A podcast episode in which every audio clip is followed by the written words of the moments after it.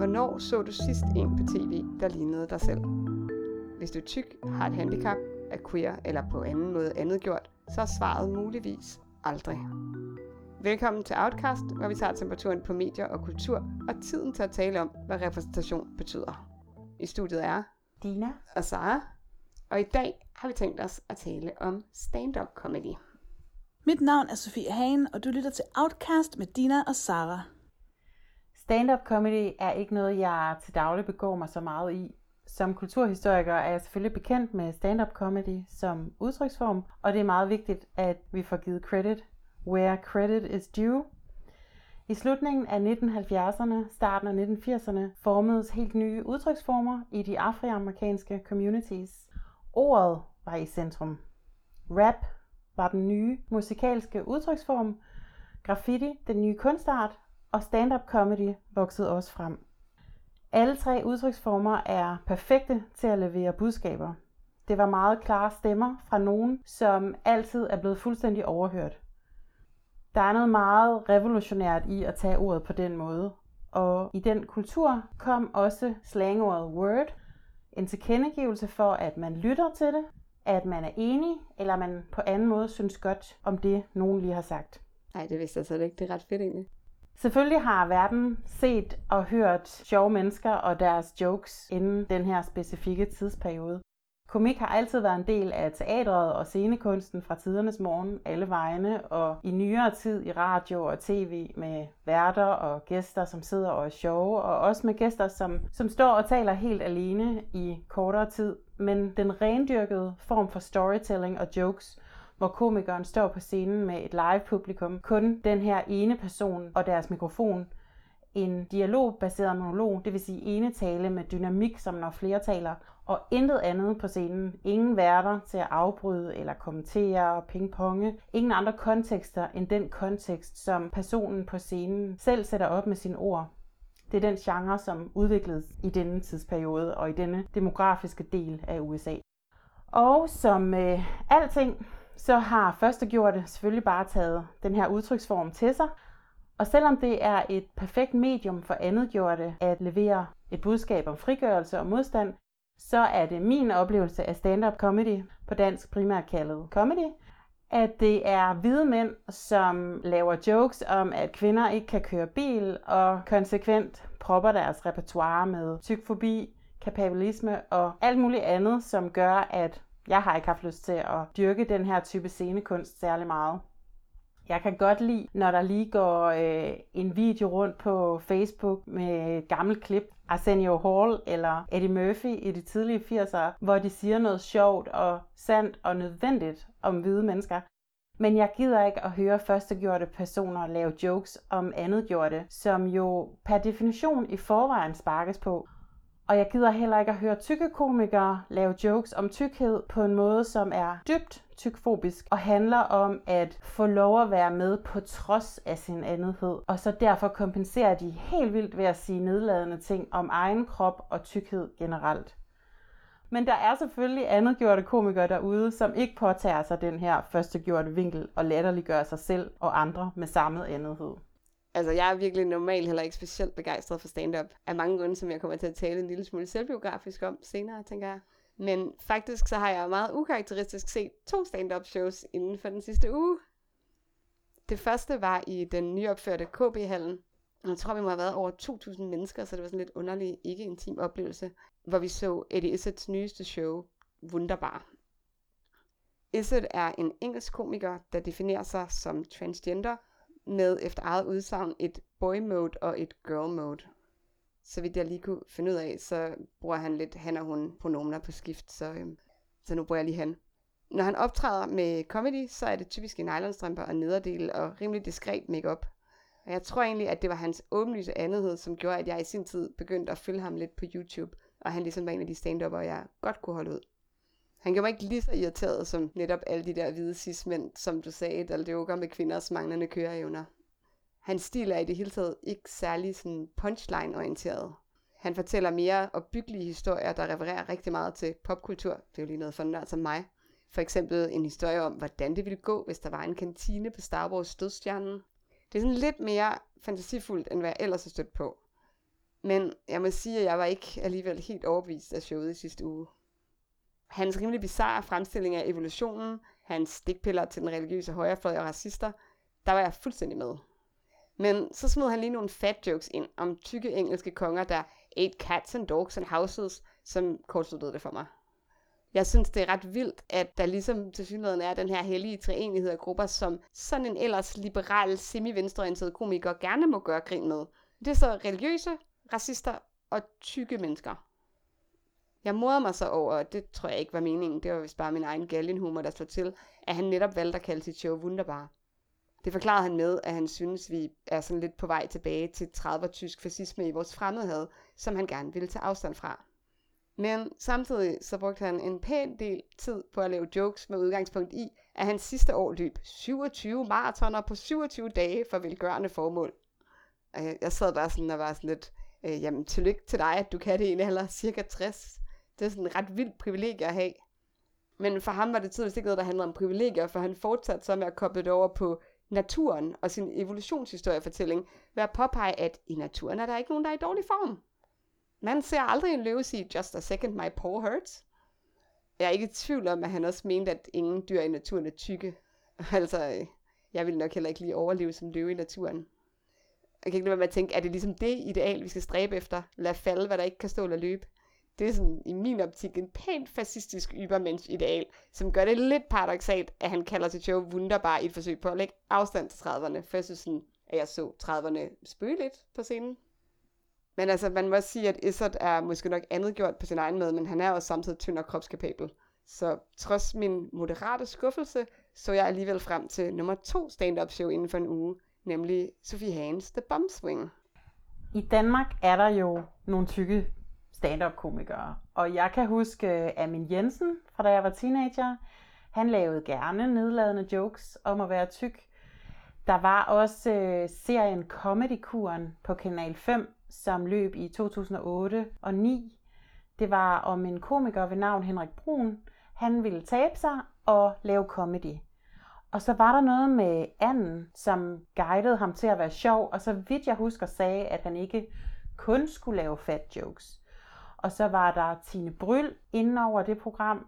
Hun hjalp ham med at få styr på det indre, fordi der er jo noget galt med folk indeni, når de er tykke udenpå. Og så tabte han sig en pokkers masse kilo og talte om at få en operation, hvor den løse hud skulle fjernes. Jeg fik aldrig set showet til ende, så jeg ved ikke, om han fik den operation. Øhm, det håber jeg ikke for ham, at han fik, for jeg kunne se i en BT-overskrift fra 2011, som jeg stødte på, da jeg lige øh, googlede ham, at han er blevet tyk igen. Surprise, surprise, det bliver tykke mennesker jo efter vægttab i 95-99% af tilfældene.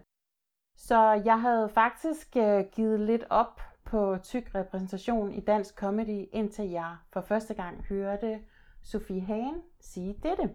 Yeah, I'm going to start by mentioning I'm not from your country. I'm from from Denmark, and uh, and the, basically the first thing that happened when I moved here was that uh, one of your people, uh, a British a British man, he uh, flirted with me. Thank you, thank you. and in the process of him flirting with me, I learned uh, a whole new word because he came up to me and said, "Hello, I am a bit of a chubby chaser." Uh, that's a word that you guys have here. Thank you. Uh, uh, for those of you who don't know, a chubby chaser is a person who will only sleep with fat people. Now that I don't mind, I thrive on that. Uh, what I mind is the word chubby chaser, because let me tell you one thing: there's never really a need for a chase. yeah. I don't run. So I wouldn't even if I could. Uh, basically, like, uh, like I like, I kind of like the word chubby chaser because it's it's a word that describes me. Like I am a chubby chaser. I prefer fat guys. Uh, it's fun, mostly because um, it's always it always gets a bit awkward when I sleep with skinny guys because there's a lot of insecurity. You know the whole thing where he doesn't like his body and I don't like his body. gets a bit weird. Uh, but I like, I like, because I like my body and I like being fat, and it's, it's taken me quite a while to get there. So it's always, it's, it's weird when you meet people who don't know how to deal with it. Like there's another guy who hit on on me, and his way of hitting on me was just so. It's the same guy. It sounds better when you think there were two. Um, this was his this was his pickup line. He thought this was okay. He said, "Hey, I like big girls, but you should know, I've never been with one of your kind before." Det er et klip fra 2014, som jo virkelig handler om at være tyk og om at støde på tykfobi. Og det har hun, øh, det har hun beskæftiget sig med på mange måder, både som, som komiker og som, øh, som feminist og, og aktivist. I 2016, der kunne man opleve showet, comedy-showet Bubble Rap på Bremen i København. Op til showet bragte Copenhagen Post en kritisk omtale af Sofie Hagen, som aldrig fik anden mulighed end at svare på et par spørgsmål via mail. Den, der fik mest at sige i den her artikel i Copenhagen Post, det var en talsperson fra Adipositasforeningen, a.k.a. Landsforeningen for Overvægtige, som hævdede, at Hagen gør nar af overvægtige, i citationstegn, overvægtige mennesker, og det at være overvægtig er a problem that some people get trapped in, and there's no easy way out, so it's extremely difficult to cope with. Wow, det er lige så slemt som at sige linket til en kørestol, det der. Faktisk gik Copenhagen Post så langt som til at lade overskriften være Danish comedy sensation makes fun of fat people, claims support group, med underrubrikken The, i citationstegn, The remarkably odd and disarmingly honest, citationstegn slut, humor of Sophie Hagen is unwelcome, asserts the National Association for Overweight People. Adipositasforeningen er en skrækkelig forening, som under dække af omsorg kæmper for, at tykkhed skal betragtes som en sygdom. Så de er naturligvis imod enhver form for identitetspolitik og tykpolitik, som går ud på, at tykke mennesker er mennesker ligesom alle andre. Deres modstand mod Sofie Hagen, som jo har udstillet tykfobien, er så bevis på, at hun har ret meget fat i noget politisk. Copenhagen Post lader Adipositasforeningen sige, at hun ikke er velkommen. Så de er måske glade for, at øh, når The Bombswing vender tilbage i september i Danmark, og hendes bogpromovering i december er slut, jamen så er det måske officielt sidste gang, vi ser Sofie i Danmark. Altså, jeg forstår virkelig godt Sofie. Jeg forstår virkelig godt hendes melding om, at hun ikke orker Danmark mere, som jo kom i kølvandet på, at komikeren Sanne Søndergaard sagde det samme. Men jeg synes også, det er trist, hvis man skal udenlands for at få bare et vist niveau af comedy, og bare feministisk comedy. Det er jo ikke alle, der sådan har lige lidt ved at tage et smut til London. Så jeg plejer at have sådan en 50-50 succesrate med ikke at få smadret min kørestol, når jeg flyver. Men altså, jeg har nået at se Sofie to gange i Danmark, så jeg skal ikke klage. Første gang var på et lille bitte sted på Vesterbrogade, hvor hun lavede sådan et ret alvorligt show om sin opvækst i det fynske hul med det absurde navn Skamby. Jeg kan ikke rigtig huske andet, end at jeg var meget grebet af hendes fortælling. Det her show, vi så den anden dag på Bremen, var for mig ikke helt så sammenhængende. Men hun indledte også med en pointe om, at hun havde brug for at lave noget lidt mere light comedy, simpelthen af hensyn til sit eget mentale helbred. Den pointe har jeg egentlig også selv i forhold til handicaphumor. Men lad os lige blive ved Sofie. For mig øh, var det egentlig ret sammenhængende. Altså det gennemgående tema, det var, at erindringen spiller pus, når man udsættes for enten trauma eller skam. Fortællingen om, at hun har øh, pillet sig selv ind, at hun har jordbærallergi, hvor hun i virkeligheden så meget lille havde suttet på et glas, indtil hun fik ophovne læber, og efterfølgende havde sagt, at det var hendes mormor, som havde givet hende en knytnæve i hovedet. Øh, og så var der en større fortælling om, at hun ikke kunne huske, hvad der var sket på en tur til Swansea, og at det var fordi, hun havde været udsat for noget meget traumatisk der. Hun er storyteller. Sidste show var Dead Baby Frogs, du så noget af i det lidt mindre øh, show sidste år. Og der fortalte hun om at vokse op med en narcissist, Og det er ret utroligt, hvordan hun kan fortælle så barske historier og få folk til at grine så meget undervejs. I det her show, The Bomb Swing, fortalte hun om, hvordan hun engang havde øh, fortalt om den her Swansea-historie, som indeholder virkelig mange elementer, til et publikum, hvor en mand blandede sig og begyndte at tale om, at det var bedre at tage bus eller tog, eller hvad det var. Og en anden mand kommenterede på, hvad han synes var den bedste måde at rejse fra London til Swansea og hvordan det blev en hel farse af hecklers, altså folk i publikum, som ville tale om offentlig trans- transport mellem London og Swansea, når nu hun forsøgte at fortælle om noget helt andet med den her Swansea-historie. Og det lyder jo helt urealistisk, at folk blandede sig på den måde. Men jeg var der i Edinburgh til Fringe, hvor det her skete. Der var så mange mænd, eller der var mænd, som havde nogle meget markante holdninger til, hvordan Sofie burde være rejst fra London til Swansea for år tilbage. Selvom øh, det slet ikke var afrejsen, som, som det her handlede om. Det var ikke det væsentlige. Det var simpelthen en ret vild udførelse af mansplaining ekstraordinære, som, øh, som jeg var ret glad for, at hun fik med i det her show. Sofie arbejder jo tykaktivistisk. Hun har tidligere talt mere om tykkhed og tykfobi i sine shows, men hun gør det på en helt anden måde i The Bombswing. Hun tog tøjet af på scenen, samtidig med at hun afspillede nogle indtalte mails fra Swansea-turen, eller om Swansea-turen. Hun klædte sig af på scenen, metaforisk og konkret, og det er virkelig ægte, tyk repræsentation på scenen. Det var meget sårbart og stærkt, og derudover så bruger hun også sin platform til at for eksempel kritisere kræftens bekæmpelse for tykfobi, og på anden måde lave tykaktivistiske og feministiske opråb. Udover Sofie Hane, så kender jeg til Nicole Bayer, som har et afsnit i Netflix-serien Comedians of the World. Måske er der nogen, der kender Bayer fra Nailed It, et bageprogram, som handler om, at deltagerne ikke kan bage og dekorere perfekte kager. Det ligger også på Netflix. Ikke at Bayer aldrig får sagt noget halvproblematisk om sin tykkhed en gang imellem. Det kan ske, men det er ikke hendes projekt at lave fat jokes. Hun vil hellere udstille tykfobien. De andre tykke komikere, ikke at der sådan er helt vildt mange, men dem der er, de laver som regel fat jokes, ligesom alle de slanke komikere gør hele tiden. Det er meget muligt, at der er flere gode tykke komikere derude, og nævn dem endelig i kommentarer under vores Facebook-post om det her afsnit Outcast. De fleste tykke komikere, som jeg har taget chancen og set et show med, de er helt forfærdeligt tykfobiske. For eksempel Gabriel Iglesias. Udover tykke komikere, som ikke er tykfobiske i deres jokes, vil vi også gerne have forslag til komikere med handicap, som ikke taler nedsættende om dem selv på scenen. Fordi det er ikke altid helt nemt at finde nogen. Altså jeg tror, da du foreslog, at vi skulle lave et program om stand-up, så tror jeg, jeg sagde til dig, at det var nærmest umuligt bare at finde komikere med handicap.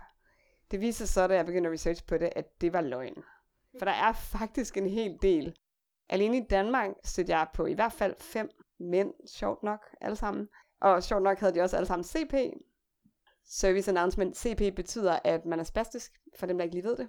Spastikerforeningen har faktisk lige skiftet navn til CP Danmark, så hermed en opfordring til, at man begynder at sige CP i stedet for. Men altså, det viser i hvert fald, at der er faktisk en del, så det handler nok mere om, at jeg bare har været ret behendig til at undgå dem. Den mest succesfulde komiker med handicap lige nu er nok Jonas Brøndum. Ham har jeg faktisk også mødt live en enkelt gang. Og jeg har fundet et lille klip fra Zulu Comedy Gala, som ret fint viser både, at der kan være et potentiale, men også hvad det er, der gør det lidt svært for mig at se det her handicap comedy. Nå, men jeg, øh, jeg er født med spastisk lammelse i benene, øh, tak mor. Og øh, jeg vil lige skynde mig at sige, at hvis jeg lige pludselig vælter, så må jeg altså ikke blive bange. Jeg har øvet mig i 24 år, og jeg skal nok love at tage fra med ansigtet. Så men jeg har, det, jeg har det fint med det. Det har aldrig været et problem for mig, og derfor kan jeg også til at blive overrasket over de reaktioner, jeg får fra fremmede mennesker, fordi jeg skiller mig en smule ud. Nogle gange sker der det, der kommer en hen og gør mig opmærksom på, at jeg går mærkeligt. Som sådan en slags service. Til hvis jeg ikke lige selv skulle have lagt mærke til noget. Det er ofte folk på scooter, jeg ved ikke. Jeg kom til at kalde det handicap comedy, og det er måske ret åbenlyst, hvorfor jeg kaldte det. Det er fordi, at det hele det her indslag handler om handicap. Altså det er simpelthen omdrejningspunktet. Og det, det har det været med alle de fem mænd, jeg kunne finde, som lavede stand-up af en eller anden form. Lige det her klip med Jonas, som jo er dygtig, der er det sådan lige ved at blive lidt politisk til sidst, ikke? når han ligesom flytter fokus til andre menneskers fordomme og sådan de sociale barriere, han møder. For eksempel når fremmede mennesker ligesom er venlige og oplyser ham om, at han går mærkeligt. Men lige indtil da, der spiller han jo bare med på den her præmis om, at fordi han træder op på scenen med krykker, så er det hans opgave at ligesom udløse spændingen i rummet ved dels at besvare de der spørgsmål, som folk nok sidder med i hovedet. Altså, hvad fejler han? Spørgsmålet. Altså forklare.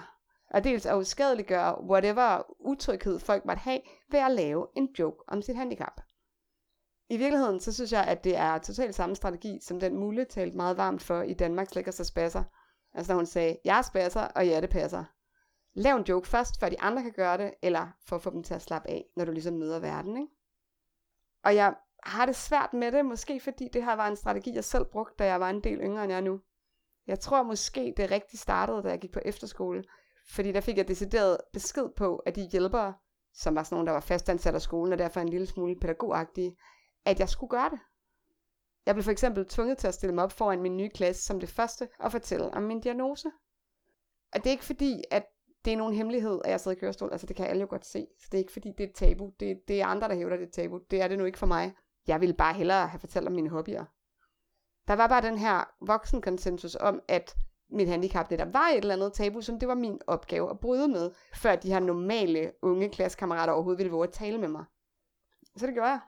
Jeg lavede jokes om at have kagearme og være julebenet, og jeg gjorde præcis det samme, da jeg startede på gymnasiet. Den første dag, der meldte jeg mig til sådan en talentkonkurrence med talentet at være skolens slappeste elev, som kunne rive ikke en telefonbog, men en telefonliste over. Og det virkede også på sin vis. Altså folk grinede og fandt ud af, at de ikke skulle være bange for at støde mig ved at sige noget forkert. Men jeg synes også samtidig, at det bare gjorde, at alt indledende fokus blev på mit handicap. Så jeg skulle ligesom lave ekstra arbejde bagefter for at få folk til at få øje på resten af mig. Jeg blev ligesom den sjove muskelsvindler, som muskelsvindfonden kaldte det dengang. Og det var enormt anstrengende at skulle spille den rolle, som ikke handlede om mine behov, men om at få alle andre til at slappe af. Det tog rigtig mange år for mig, før jeg nåede frem til, at jeg faktisk ikke behøvede at præsentere mig selv med en afvæbnende handicap-joke. Da jeg startede på højskole efter gymnasiet, sagde jeg bare mit navn. Og jeg har fundet sådan et lille dagbogsnotat om, hvordan det virkede, som jeg tænkte, jeg lige ville dele. Faktisk tror jeg aldrig, mit handicap har fyldt så lidt, som det gør her på stedet. Til trods for, at muskelsvind objektivt set er et langt større problem på Filmhøjskolen end på gymnasiet. Måske har jeg bare valgt at lade det fylde mindre her. Jeg prøvede ikke at kunstig vej at overskride tabuer ved at lave sjov med mit handicap fra dag 1. Og i virkeligheden er mit handicap jo heller ikke ret interessant. Min nye indgangsvinkel har indimellem haft den bagside, at jeg ikke kunne dele alle handicaprelaterede bekymringer med nogen. Men fordelene har været flere. At få lov til bare at være, og ikke behøver at agere Sarah med muskelsvind hele tiden. Med det følger en øget følelse af at være ligeværdig, fordi det er jo altså bare mig, mine venner kan lide. Ikke for noget, jeg er født med, men fordi jeg siger og gør her og nu. Det er fra 2004, så det er sådan 15 år gammelt. Og jeg tror, det var det år, hvor jeg besluttede, at nu var det nok med de der handicap-jokes til ære for andre. Altså, det er jo ikke det samme som, at jeg ikke stadigvæk kan lave sjov med ting, der har med handicap at gøre. Det er som rent andres fordomme, jeg laver sjov med. Det gør jeg for eksempel, når jeg tegner tegneserier. Og nogle gange så er der også en eller anden tragikomisk, absurd situation, ikke? For eksempel dengang min kørestol punkterede over på et knust champagneglas et minut over midnat den nytårsaften. Og når man står i sådan en situation, så kan man nogle gange vælge, om man vil grine eller græde, og så er det tit rarest at grine. Men jeg gider ikke mere lave grin med sådan min kerne, eller med ting, der gør rigtig ondt, bare fordi andre skal slappe af. For mig er der bare en balance her, hvor joken kan gå hen og blive selvdestruktiv. Og den balance synes jeg ikke altid bliver overholdt i stand-up. Jeg tror, det er derfor, jeg har det svært med stand-up, der relaterer til handicap. Og her har jeg fundet endnu et dagbogsnotat frem. Det er totalt walk down memory lane, det her. Det er endnu ældre. Og det handler lige præcis om, hvad der sker, når man laver sjov med noget, som bakker rigtig ondt. Jeg var 12 år, da jeg skrev det her, og gik og ventede på at blive opereret for min skoliose. Det vil sige den skæve ryg, man tit får, jeg sidder ned meget. Og jeg var simpelthen så irrationelt bange for at dø af operationen dengang. Det her lille afsnit, som øh, jeg læser op, det starter godt nok med, at jeg sammenligner mig selv med hovedpersonen i min bedste vens bryllup, og synes, at mig og Julia Roberts er totalt ens. Men altså, jeg var 12, ikke? Men derefter bliver det ret alvorligt. Hun kommer her. og alle sine dybe følelser, når hun holder af nogen eller er i panik af angst, så gemmer Julia Roberts sig bare bag en facade af humor. Det gør jeg også. Bare se med min ryg. Det er ikke godt med alle de stoffer. Min far er høj, min lillebror er hyperaktiv, og jeg er skæv. Eller, hvad er ligheden mellem at ryge hash eller sidde i kørestol? Man bliver skæv af begge dele. Og så er der den værste. Det kan ikke betale sig at planlægge sommerferie, før vi ved, om jeg overlever. Disse ting siger jeg i en spøgefuld tone, og alle mener, at det er godt, at jeg i det mindste har humor, for ellers ville mit liv vel være helt umuligt at holde ud. Sandheden er, at det er lige så slemt uanset hvad. Jeg er stadig en meget bange lille pige indeni, der trænger til trøst og håb. For de ting, jeg spørger med, er tit så smertefulde for mig, at de er for meget at bære. Og de forsvinder ikke, på trods af dårlige jokes. Resultatet er bare, at folk går fejl af mine følelser, fordi de tror, jeg har det fint med min angst, når nu jeg kan spøge med det. Men sådan er det ikke. Jeg kan bare ikke finde ud af at handle anderledes. Og mine forældre ville nok også blive skøre i hovedet, hvis jeg bare gik og var ked af det hele tiden. Jeg synes, det her lille afsnit siger så meget. For det første så har jeg sat et spørgsmålstegn i parentes efter det der med, at folk mener, at det er nødvendigt med humor for at holde mit liv ud. Så et eller andet sted, så følte jeg jo allerede dengang, at det var en slags fornærmelse. At når folk roste mig for sådan at have humor, så sagde de også samtidig, at det var for mit liv i virkeligheden var tragisk. At jeg ikke var ligeværdig. Og derudover er der selvfølgelig det åbenlyse, at jeg joker med min egen angst, simpelthen bare for at gøre andre tilpas. For at mine forældre ikke skal blive ked af det. Og fordi andre på det tidspunkt bare generelt ikke kunne rumme, at jeg var ked af det og bange. Så det var jokes for at glæde andre, og de skadede mig selv helt vildt, fordi der så aldrig blev plads til at anerkende min smerte og virkelighed, da jeg var 12 år. Og jeg tror, det er det, der gør, at jeg har det sådan virkelig, at jeg synes, det er farligt, det der med at joke om ting, der er for smertefulde. Folk kommer typisk til at læse det som tegn på, at man er ovenpå, men jeg synes bare også, at der er nogle ting, man ikke behøver at være ovenpå, som man bare skal have med sig, og som man ikke behøver at skrive om til vidtigheder. Jeg synes, en af de komikere, som har sagt det bedst, er Hannah Gatsby. Hendes øh, show Nanette ligger stadig på Netflix. Hun beskriver sig selv som fat butch lesbian, og i starten af showet, så får hun alle til at grine med den her joke om, hvordan hun engang flirtede med en pige i metroen, og var lige ved at fortæve af pigens fyr, indtil han forvirret sagde, Nå nej, du er jo faggot, så selvfølgelig flirter du ikke med min pige. Alle griner i salen. Men senere i showet, der vender hun så tilbage til lige præcis den her joke og trækker tæppet væk under den, og det klip vil jeg gerne lige spille. Do you remember that story I told about that young man who almost beat me up? It was a very funny story. It was very funny. Uh, I made a lot of people laugh about his ignorance. And the reason I could do that is because I'm very good at this job. I actually am pretty good at controlling the tension, and I know how to balance that to get the laugh at the right place. But in order to balance the tension in the room with that story, I couldn't tell that story as it actually happened. Because I couldn't tell the part of the story where that man realized his mistake. And he came back. And he said, Oh, no, I get it. You're a lady faggot. I'm allowed to beat the shit out of yous. And he did. He beat the shit out of me, and nobody stopped him. And I didn't, I didn't report that to the police, and I did not take myself to hospital, and I should have. And you know why I didn't? It's because I thought that is all I was worth. And that is what happens when you soak one child in shame and give permission to another to hate. And that was not homophobia, pure and simple, people. That was gendered. If I'd have been feminine, that would not have happened. I am incorrectly female. I'm incorrect. And that is a punishable offence. And this tension, it's yours. I am not helping you anymore. You need to learn what this feels like because this, this tension is what not normals carry inside of them all of the time because it is dangerous to be different. Jeg synes, det er genialt, det hun gør her. Hun har bygget det op over en hel time, og så lader hun bare publikum sidde og rode med den her mavepuster selv. så kan de lære det. Jeg vil ønske, at hun havde kunne give mig et kursus i, hvordan man gjorde det her, da jeg var 12. Jeg er fuldstændig enig i, at det er, det er genialt, hvordan hun bygger det op, og hvordan hun fortæller om den her dybt traumatiske situation, hun har været i, den smerte, hun har. Hun kommer jo virkelig ud med sit budskab. Jeg synes så også, at man kan, man kan overveje, hvor voldsomt et comedy show har lov at være. Altså, jeg håber, der var en trigger warning øh, og at det blev skåret ud i pap, at man godt må gå, hvis showet blev for barst undervejs. Det gjorde Sofie inden Dead Baby Frog, og det synes jeg var rigtig fint, selvom det ikke kom op og blev lige så vredt som, som Gatsby's show. Absolut retfærdig harme, ingen tvivl om det, og forhåbentlig har det ramt eventuelt andet gjort publikum på den rigtige måde.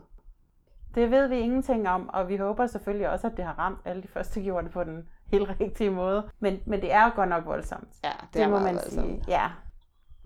Da jeg så Gatsby's show, sad jeg og ventede på, at øh, tykheden og tykfobien kom i tale. Hun var så eminent til at tale om homofobi og misogyni, men tykheden blev glemt. Den blev nævnt et par gange, men det kunne lige så godt være på en Amin Jensen-agtig måde, som på en Sofie Hagen-agtig måde. Hun beskriver sig som tyk, og det må hun jo give folk ret i, hvis de kalder hende tyk. Mere blev der ikke sagt. Det er jo faktisk det samme som, at sådan, ja, jeg spasser, det passer. Det er samme niveau. Ja, det er fuldstændig det samme. Og det er rigtig ærgerligt, fordi det er jo et genialt show. Ja.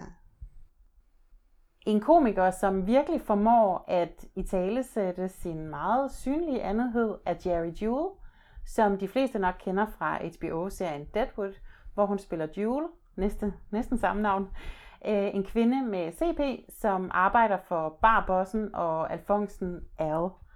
Og Outcast elsker Deadwood, og vi glæder os til den kommende film, og vi lover et afsnit af Outcast, hvor vi snakker om den 15 år gamle tv-serie og den helt nye film.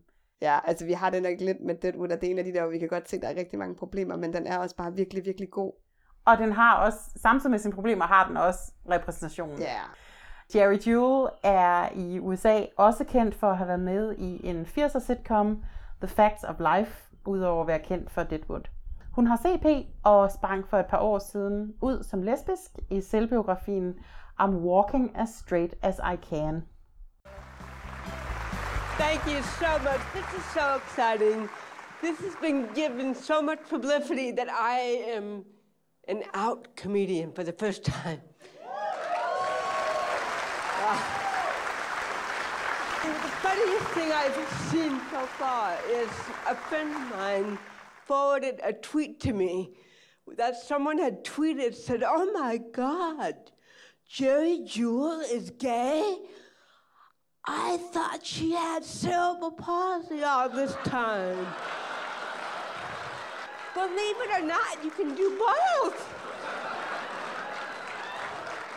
Not only that, you can have cerebral palsy and be Jewish. You can have cerebral palsy and be Catholic and feel guilty about it. You can have cerebral palsy and be an alcoholic and nobody would ever know. Jerry Jewell er en af dem, som jeg synes formår at lave jokes, der relaterer til handicap, uden at det bliver sådan en, nu laver jeg grin med mig selv og gør mig selv til en joke. Altså, det er ligesom en fordom, der bliver gjort grin med her, ikke? Ja, det er folk, der ikke kan finde ud af, at man kan have flere andheder på en gang, der lige får en lille verbal spand vand i hovedet. Altså, den er lidt til den der med sådan, mens transcommunityet kæmper for kønsneutrale toiletter, så er vi en del med handicap, der nogle gange bare har kæmpet for sådan et, hvad kan man sige, toilet, der bare anerkender, at man har et køn, fordi det er sådan lidt, der er sådan herretoilet, dametoilet, og så er der så handicap-toilet, hvor man også kan skifte blive på babyer.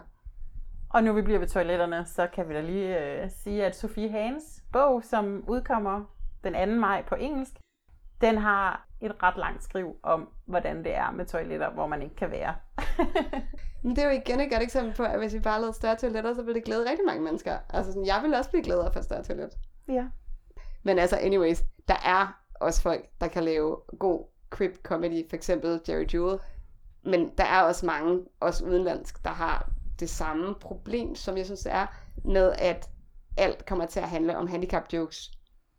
Jeg synes, de bedste sådan, mest nådesløse politiske crip comedians, jeg har stødt på, det er nogen fra Storbritannien.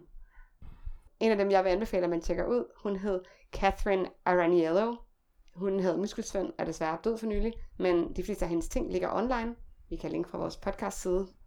Hun har lavet sådan noget virkelig absurd comedy. For eksempel en grotesk musikvideospoof over It's My Party, hvor hun synger Die i stedet for Cry. Altså, It's my party and I die if I want to. Og kommer til sådan at gøre tyk nar af den her fordom om, at det er meget bedre at være død, end at leve med et handicap.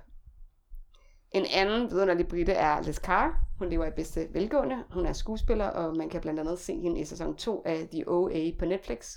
Hun er heller ikke CP. Hun sidder i kørestol på grund af en eller anden sjælden diagnose, som er lige så svær at udtale som min egen, så det vil jeg ikke forsøge på. Derudover er hun bare mega politisk aktiv, blandt andet i netværket Not Dead Yet, der synes, at man skal tilbyde aktiv livshjælp i stedet for aflivning til os, der har et permanent handicap. Det her, jeg skal sige word, for jeg er selv med i den danske pangdang, som hedder ikke død endnu. Liz Carr har så lige taget debatten til nye højder, da hun for et par år siden lavede Assisted Suicide, The Musical. Altså en musical om debatten om aktiv dødshjælp. Vi har set så mange historier, der handler om, hvordan en eller anden kæmper for at få lov til at dø. Whose life is it anyway? Mit indre hav. Senest Me Before You. I dansk kontekst har vi haft Se min kjole. Bare for lige at name drop nogen. Og her er det altid ligesom, at det er den bedste happy ending for de her mennesker med handicap, at de kan blive forløst gennem døden.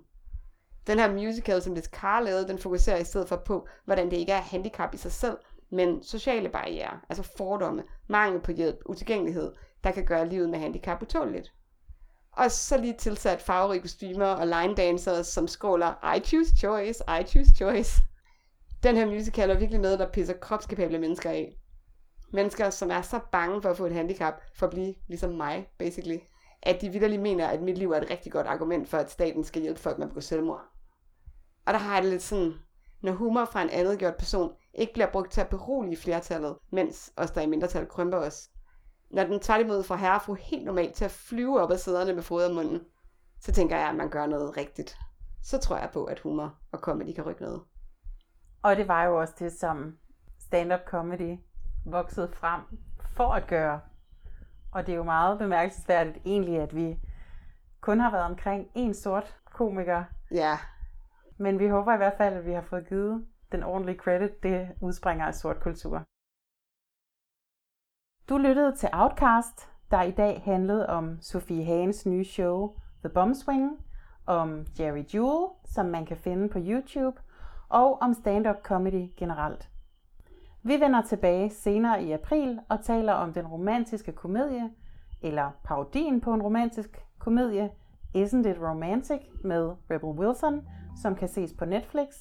Og så tager vi fat på en B-horrorfilm fra 1976 med farlige blinde mennesker, The People Who Own the Dark, som kan ses på vimeo.com. Hvis du har idéer til emner eller input, som kan gøre Outcast bedre, så find vores Facebook-side og send os en besked. Vi er ikke bange for call-outs.